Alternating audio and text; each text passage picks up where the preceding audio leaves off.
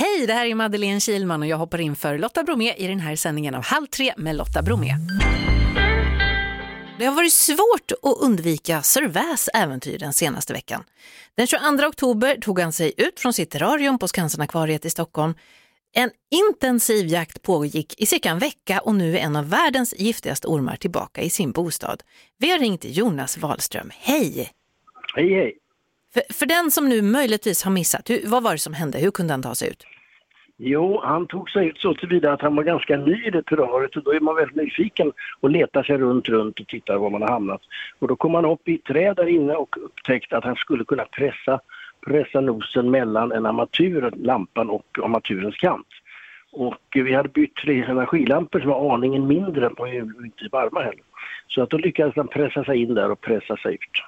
Vilken var din första tanke när du hörde att han hade rymt? Herregud. Väldigt logiskt måste jag säga. Ja, dessutom var- befann jag mig på en konferens i Spanien, en djurparkskonferens. Så att eh, min dotter som var med mig, hon åkte hem direkt och tog, tog hand om det hela och, och personalen ställde upp alldeles fantastiskt och letade dygnet runt. Och i början så visste vi inte var den var därför att den hade ju inte kommit i och för sig så långt. Eftersom vi- man såg ju när den rymde men den kom ju upp på övervåningen. Och eh, där letade de och letade och letade och sen fick vi fantastisk hjälp av Svanströms el som kom med fantastiska kameror som man kan komma in i, i små skrymslen när man inte kan sticka in huvudet och leta. Och då kunde man så att säga, vi började i en yttre cirkel för att säkra och komma närmare och närmare terrariet då. Eh, och det, det, vi hittade inte och det var frustrerande. Men sen kom tullen. Vi tog kontakt med tullen och de har fantastiska kameror som är helt mobila, inte större än en större laptop, som, som röntgar tvärs genom väggar och liknande. Så att med de röntgenkamerorna så hittade tullen. De var väldigt optimistiska från början. Finns den här så hittar vi den. Och det gjorde de. Och det var en fantastisk hjälp av tullen och då kunde vi hitta den bakom en mellanvägg. Måste varit lite kul äventyr för tullen också för att göra sån här grej. Ja, det var det. De tyckte att det var per- perfekt möjlighet för att träna. För de hade Ja. aldrig tränat på att hitta ormar förr. Det finns ju en del fridlysta arter som folk försöker smuggla in ibland. Och sen började man göra hål där och då flyttade han på sig. Och då försvann den från tullens ögon. Och eh, det hände ett antal gånger att de, vi började liksom borra och så försvann den. Så då funderade vi på att döpa om den från Houdini till, till Jäckande skuggan. Och när det var tillräckligt stressad sen och kom på att det här är ingen bra idé, vara på rymmen, inte ha någon mat, vara, vara jagad av tullen.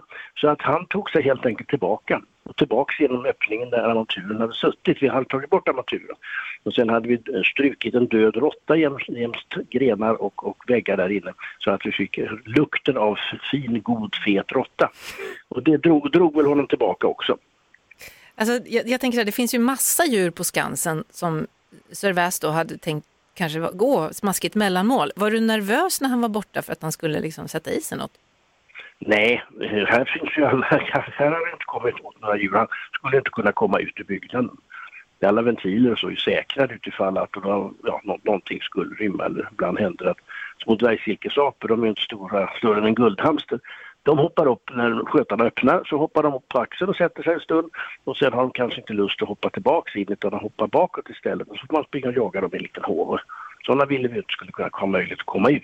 Nej, fast, men jag tänker så här, Skansen. Jag skulle Om hell- vinter så mår de inte bra. jag skulle hellre komma och hälsa på på Skansen om en sån var lös än en ormen. ja.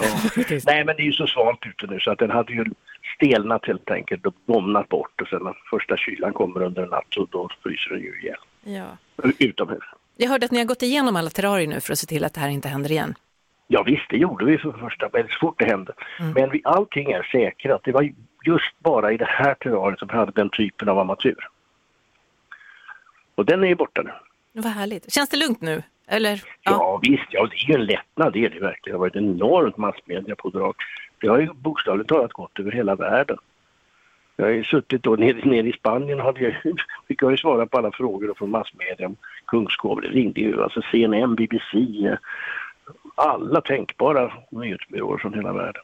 Vad heter han nu då? Heter han Sir eller Houdini? Eller vad kallar ni Ja, honom? Den, den, den får kallas Houdini. Houdini heter han från och nu. typ CNN i USA, de var lite misstänksamma och frågade mig då, om, är, det här har ju gått nu över hela världen har vi uppmärksammat, är det här en reklamkupp? Aha! Och, ja, ja, och jag kunde bara svara, nej, jag är inte så smart. Nej. Men vet du, jag är väldigt glad att vi fick ringa dig i alla fall. Tack snälla. Ja, inga problem. Ha det bra. Och sen är vi glada att vi kan öppna upp nu igen för att vi har haft stängt hela den här veckan när vi letade. Man kan ju inte av etiska skäl ha en anläggning öppen medan man letar efter en förrymd kungskobra. Nej, kom hit med förskolebarn. Det lockar inte då med den där. Nej, nej. nej, men det är nej. öppet som vanligt igen och man kan titta på Houdini nu. Han trivs bra när han är tillbaka i världen. Jonas Wahlström på Skansen-akvariet, tack snälla. Tack, tack. Ett poddtips från Podplay. I fallen jag aldrig glömmer djupdyker Hasse Aro i arbetet bakom några av Sveriges mest uppseendeväckande brottsutredningar. Går vi in med hemlig telefonavlyssning och, och då upplever vi att vi får en total förändring av hans beteende. Vad är det som händer nu? Vem är det som läcker? Och så säger han att jag är kriminell, jag har varit kriminell i hela mitt liv men att mörda ett barn, där går min gräns. Nya säsongen av Fallen jag aldrig glömmer på Podplay.